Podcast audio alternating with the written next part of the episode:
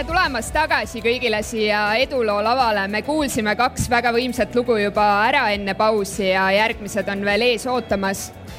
aga nüüd astub meie ette Mihkel Moosel, kes on Amazoni ettevõtja ja investor ning kelle nimel on seni suurim eh, Amazoni äri Exit Eestis Mihkel on eh, üles ehitanud kolm Amazoni miljoni kontot ja edukalt lansseerinud üle saja toote huvi pärast lihtsalt, et äh, kes siit äh, seltskonnast on midagi Amazonist äh, tellinud?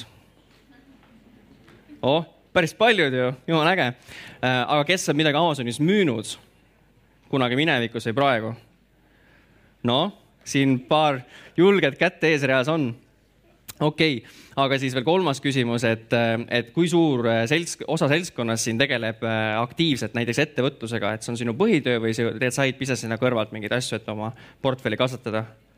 Noh, ka päris hea on ju, et äh, kunagi kuus aastat tagasi kui ma tulin esimest korda investeerimisklubi siis üritusele, siis äh, meid pandi kohe nelja erinevasse gruppi või rühma, äh, siis äh, vastavalt neljale erinevale varaklassile ja meile anti kätte ülesanne, et sa pead siis oma varaklassi kohta tegema niisuguse ettekande, mis harib teisi. et miks siis sinu nii-öelda varaklass on hea või siis kõige parem võrreldes teistega. ja siis seal olid, valikus olid loomulikult aktsiad, laenud, kinnisvara ja siis ettevõtlus.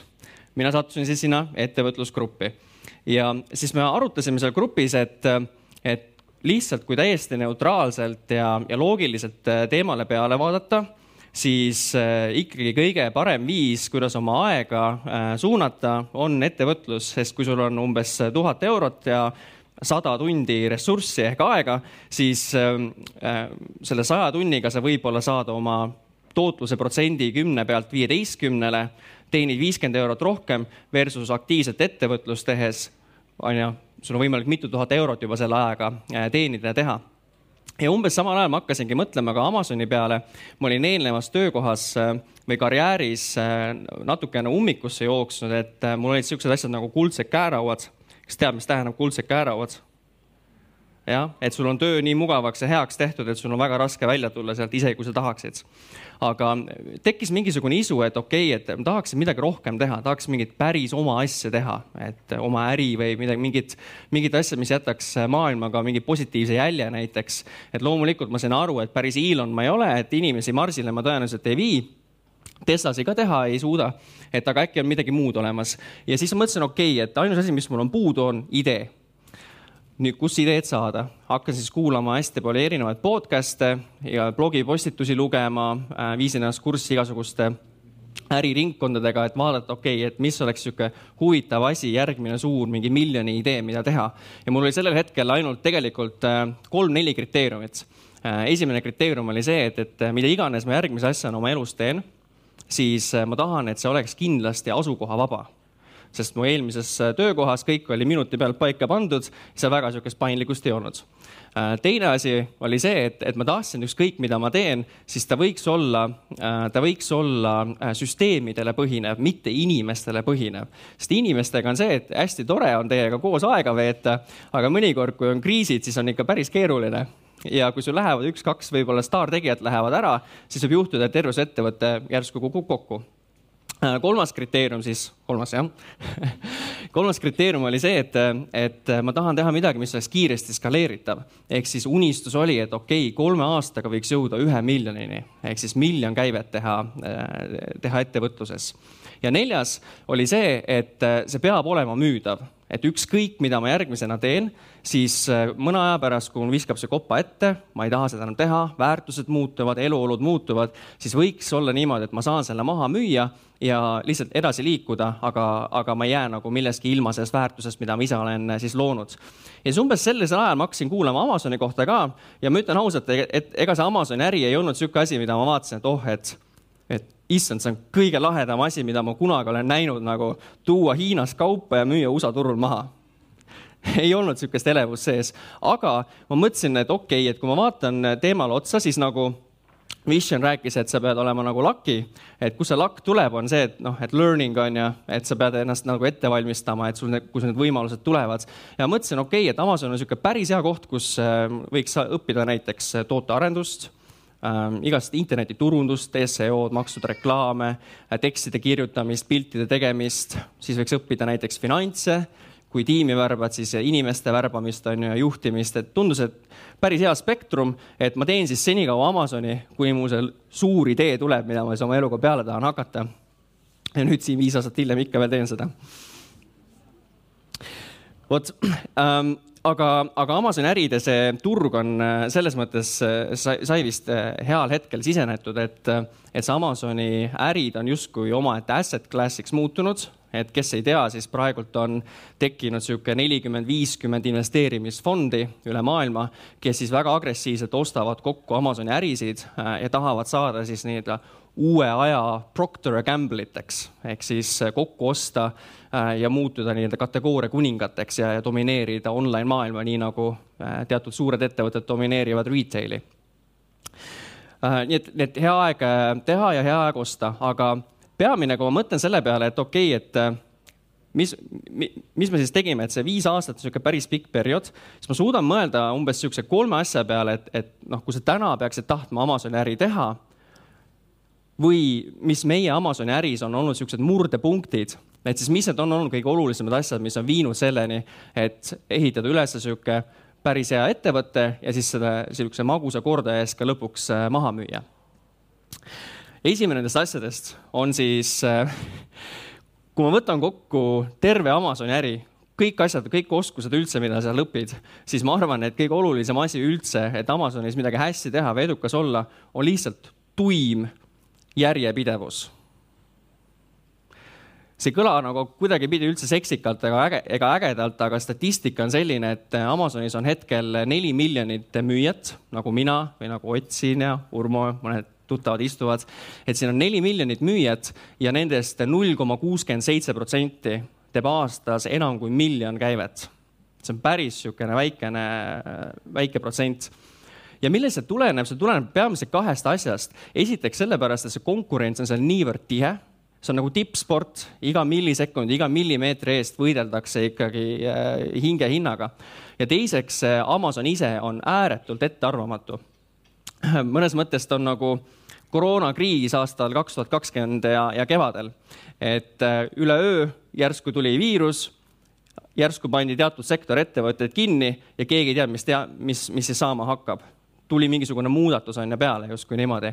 Ja siis äh, mis tegi asja nagu hullemaks, oli see, et, et, et sa vaatasid, et okei okay,, et nagu valitsus räägib ühel päeval ühte asja, teisel päeval räägib nagu teist asja, Terviseamet räägib kolmandat asja, su arst ise räägib neljandat asja ja siis sa nüüd otsusta, et mis on see parim otsus, mida teha. Amazonis juhtub sellist asja peaaegu iga päev.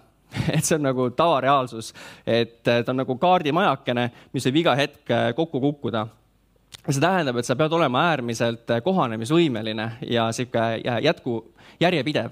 et äh, näiteks mis meil juhtus, üks niisugune suur asi, oli see, et me müüsime omal ajal niisuguseid veefilterkanne Amazonis, mis siis noh, paned vett sisse ja süsi on sees ja siis teeb puhtaks vee, niisugune tavaline nagu Brita. ja siis äh, üleöö umbes kahetunnise etteteatamisega tuli, äh, tuli Amazonilt teade, et teie toode on nüüd klassifitseeritud pestitsiidiks ja homseks peate te selle riiulitelt maha võtma ja maha põletama põhimõtteliselt, noh, kas välja saatma või ära hävitama. et siis mõtlesin, et okei okay,, see on kindlasti mingisugune eksitus, et see ei saa olla nagu loogiline. ja siis kirjutad sinna äh, Amazoni selle klienditeenindusse, et mis nad siis nagu räägivad selle kohta, ütled, et näete, et meil on siin vegan äh,, ei ole pestitsiid äh,. ma ei oska isegi nagu kirjutada teile appeal'i ehk siis sihukest, noh, pead nagu kirjutama case'i, et miks su toode ei ole see, mida Amazon väidab, et su toode on. sa mõtled, okei okay,, et päris naljakas, et ma ei oska nagu isegi kuskilt alustada, et, et miks vegan ei ole pestitsiid, onju. et sihuke päris nagu kauge, kauge seos. Ja siis Amazonilt tuleb nagu vastus, et, et saame aru, et, et tõesti väga frustreeriv ja väga raske. et äh, aga kirjutage ikkagi mingi asi nagu valmis. ja siis on see, et, et siis küsid, et okei okay,, aga mida ma siis kirjutan, et, et nagu see on vegan mida, mida ma kirjutan selle kohta, et see ei ole pestitsiid. Ja sihukese jauramisega sa tegeled lihtsalt igapäevaselt, sellepärast et su vastas on võib-olla keegi kuskilt äh, esimest päeva või esimest nädalat töölt Indiast, kes äh, loeb templeid vastuseid maha ja, ja lihtsalt li,, lihtsalt vastab mis iganes, siis nagu vaatab, et oh, et tundub, et täna saadame selle emaili välja, homme saadame selle kolmanda emaili või noh, teise emaili välja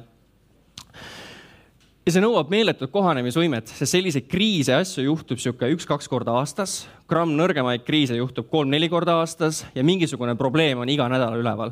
et see on nagu maraton, et sa oled ühe maratoni just ära jooksnud, sul on äh, jalad äh, valutavad, põlved on haiged, küüned tahavad juba pealt ära tulla ja siis sulle öeldakse, kuule, aga tegelikult sa peaksid veel ühe või võib-olla isegi kaks maratoni jooksma, sest et muidu on see asi läbi et selles mõttes ta nõuab sellist päris suurt äh, järjepidevust ja tuima, tuima järjepidevust, et nendest äh, raskustest äh, läbi, läbi saada. mis sellega lihtsamaks teeb, on number kaks, meeskond.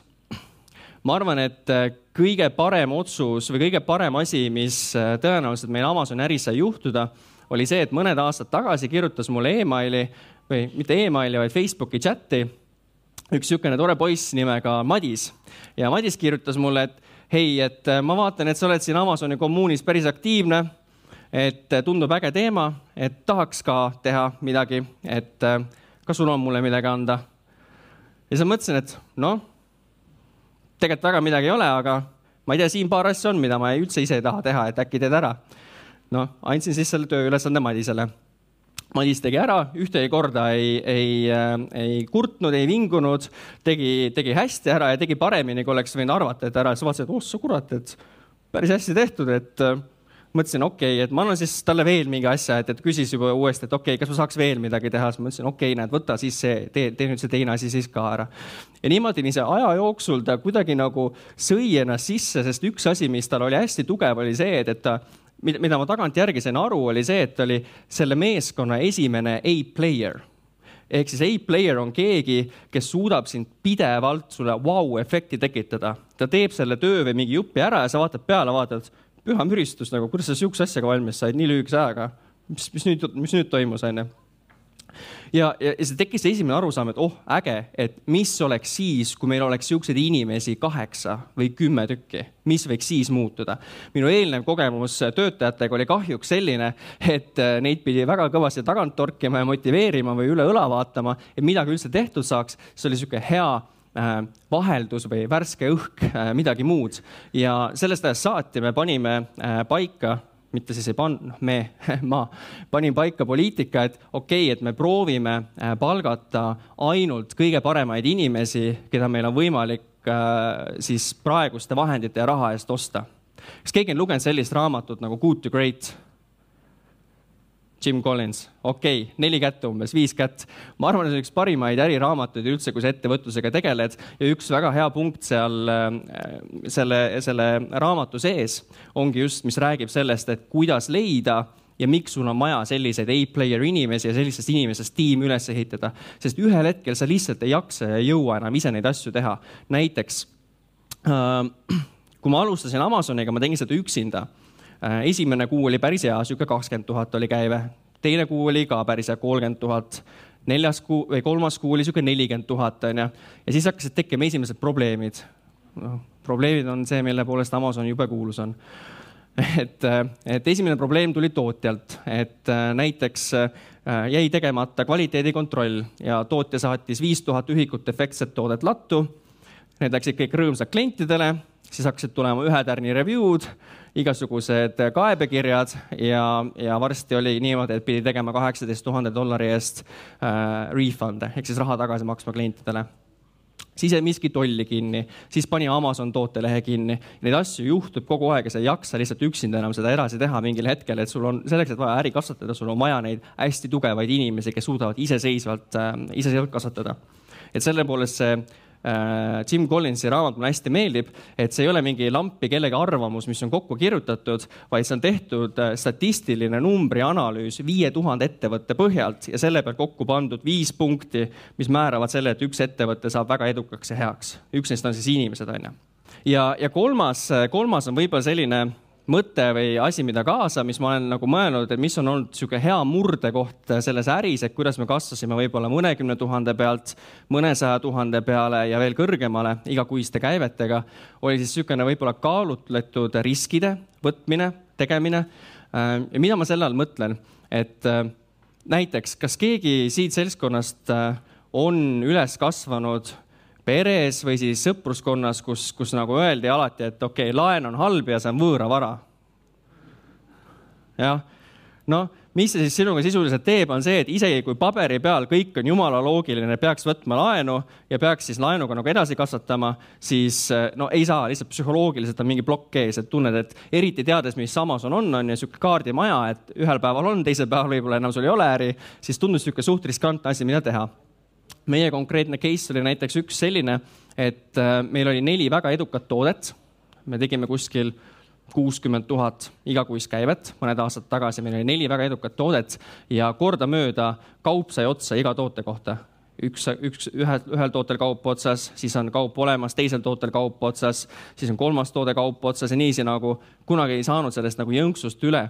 et Amazonis, mis juhtub, kui su kaup saab otsa, siis out of stock Amazoni maailmas on kõige suurem surmapatt, mida sa üldse saad teha, sest et see ei ole kaduma läinud müük, vaid see on nullist otsast peale alustamine sisuliselt. et seda kunagi ei maksa teha. ja näiteks on ju siis siis sellise, siis, siis saigi võetud nagu julgus ja otsus kokku, et okei okay,, et juhtub, mis juhtub, ma võtan selle laenu ära. ma võtsin viiskümmend tuhat eurot laenu, mis minu jaoks tol hetkel oli äärmiselt suur summa, et, et kui see raha nagu kontole tuli ja siis seda edasi pidi hakkama, hakkama maksma äh, supplier itele ehk siis nendele tootjatele, siis käsi nagu värises, et ma loodan, et nad seekord ei tee mingit jama nagu jumala eest, et see nagu õnnestub ähm, aga selle tulemusena jällegi äri on ju kolme-nelja kuuga kahekordistus ja niiviisi nagu teatud mõttes, et see ei olnud nagu pime lihtsalt, et ma võtan laenu, ma tahaks natuke paremini äri teha, vaid sa oled mingil hetkel ettevõtjana, sa oled ka selles kohas, kus sa tun-, kus sa pead hakkama enda kogemust nagu usaldama, et, et vaatame, et okei okay,, et, et ma tegelikult tean, mida ma teen. ma olen nagu asja mingi viis või seitse korda läbi arvutanud ja nüüd on siis õige hetk siis nii-öelda nagu äh, päästikule vajutada ja, ja, ja see plaan käiku panna. et selliste või võib-olla selle kolmanda punkti mõte on see, et, et kui sa ettevõttes oled ka, et, et siis äh, võib julgemalt riske võtta mõnikord. ja viimane asi lõpetuseks. Äh, miks me müüsime siis? et me rääkisime sellest, et äh, mis on need murdekohad olnud selles, et äh, kuidas siis see äri niivõrd edukaks sai, sest esimene oli tuim järjepidevus, siis väga tugev meeskond ja väga tugeva meeskonna ehitamine ja siis niisugune teatud riskide võtmine. Ähm, aga miks me siis lõpuks müüsime? Et ma võin juba ette öelda, et seda küsimus kindlasti tuleb, et ma seda summat ei saa öelda sellega on niisugused päris ranged konfidentsiaalsuslepingud küljes ähm,. aga ähm, põhimõtteliselt äh, kaks kohta või kaks mõtet, kaks asja, et ja võib-olla see resoneerub mõne ettevõtjaga siit ka ära. et äh, esiteks see, et lõpuks ometi tekkis üks sihuke äge idee, mis oli, et oh, et see on põnev, seda võiks ise ka teha nagu, nagu täiega, et, et, et siia võiks ehitada suure meeskonna taha ja, ja teeme ära. aga selle idee realiseerimiseks oli vaja umbes viis või seitse korda rohkem kapitali, kui meil seda hetkel pangakontol oli. ja, ja teine põhjus, võib-olla sihuke emotsionaalsem põhjus mis võib-olla natuke raskem rääkida ka, ähm, oli see, et, et me vaatasime numbritele peale siis loogiliselt, et kui me müüksime näiteks äh, aasta või poolteist aastat hiljem, siis me teeniksime tõenäoliselt äh, üks kuni kaks miljonit rohkem selle tehingu pealt, mis on niisugune päris hea. aga mingil hetkel sa pead hakkama nagu vaatama seda emotsionaalsest äh,, emotsionaalsest vaatepunktist ka, et, et mis on selle, mis on selle raha hind, et äh, minu puhul siis, mis mina tundsin, mis selle, mis selle hind on see, et, et, et võib-olla äh, isiklikud suhted enam ei ole nii head, on ju, pere ja teiste inimestega või võib-olla ei hoolitse tervise eest enam nii hästi, nagu võib-olla peaks. või võib-olla ei tunne rõõmu enam mingite asjade tegemisest, et see on tegelikult hästi sihuke ohtlik, äh, ohtlik ja õrn jää, õhuke jää, kus peal olla. et, et äh, kui niisugune mõte või emotsioon või koht tekib, et noh, me alati räägime on ju sellest, et okei okay,, et sa pead sa pead, äh, kõige tähtsam elus on, on ju sinu suhted ja kogemused ja kõik muud asjad. aga kui tihti me tegelikult käitume selle, selle loogika järgi, et mulle hullult meeldib, äh, kui Kristjan on alati rääkinud, Kristjan Liivamäe, kes alati räägib, et, et, et tõeline väärtus, millesse investeerida, on, on ju, ongi needsamad emotsioonid, kogemused, suhted, tervis ja nii edasi. aga kui tihti me ettevõtjatena seda tegelikult teeme, et mõnikord me unustame ennast nagu aastateks rattasse ära ja lihtsalt kütame, kütame, kütame, jätame kõik muu kõrvale. et see oli niisugune nagu teine külg sellest äh, exit'i tegemisest ja exit'i tegemise äh, emotsionaalsest põhjusest. vot, aga minu aeg ongi läbi, aitäh.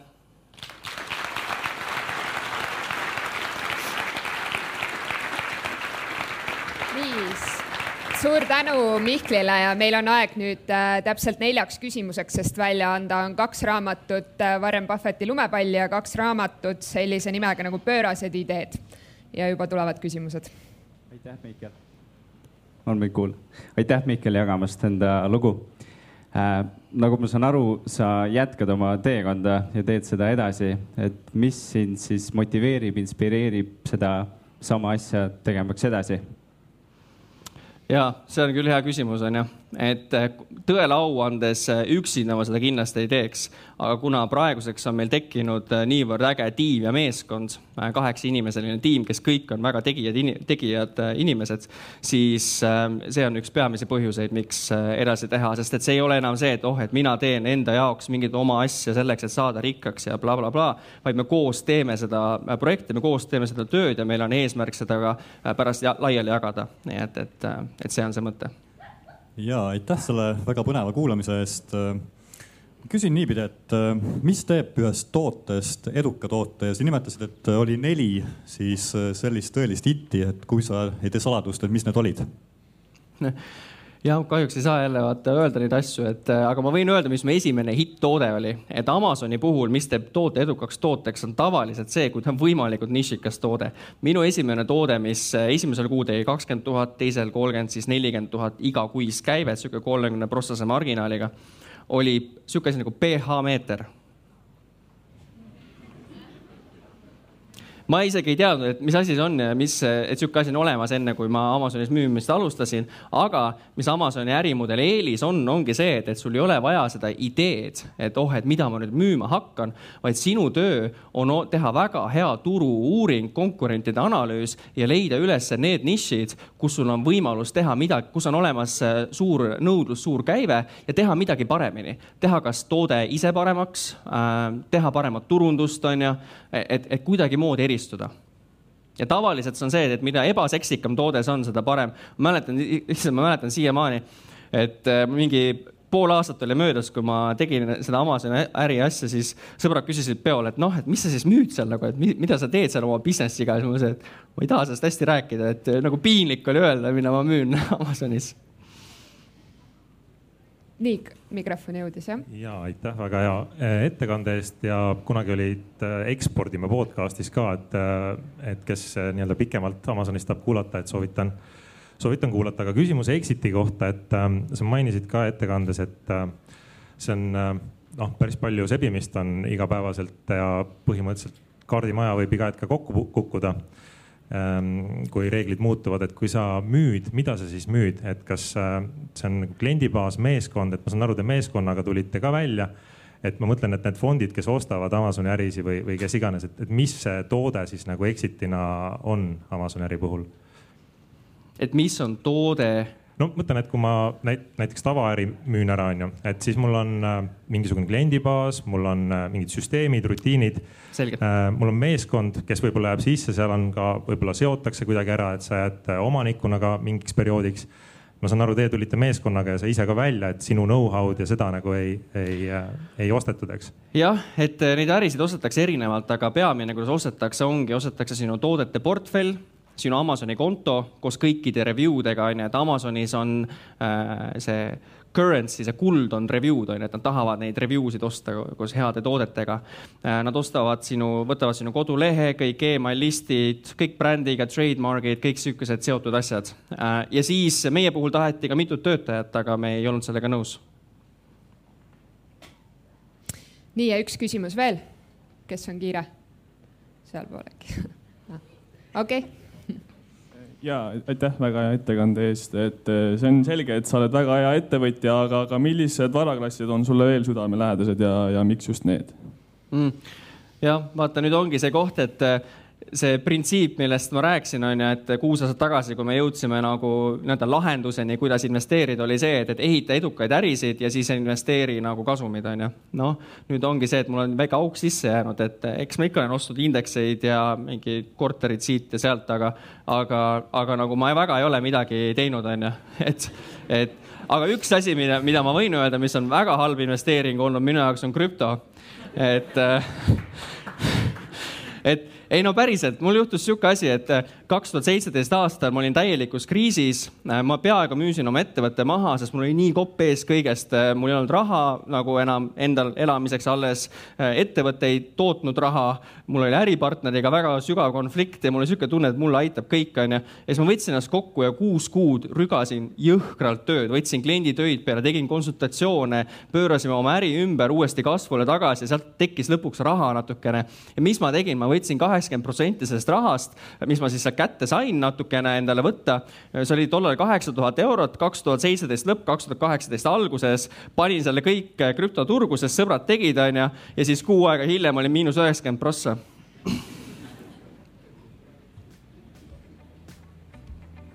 ja lõppeski jah? okei, aga super, aitäh sulle, Mihkel ja sinu esikaan näeb välja selline oh,. väga kena, aitäh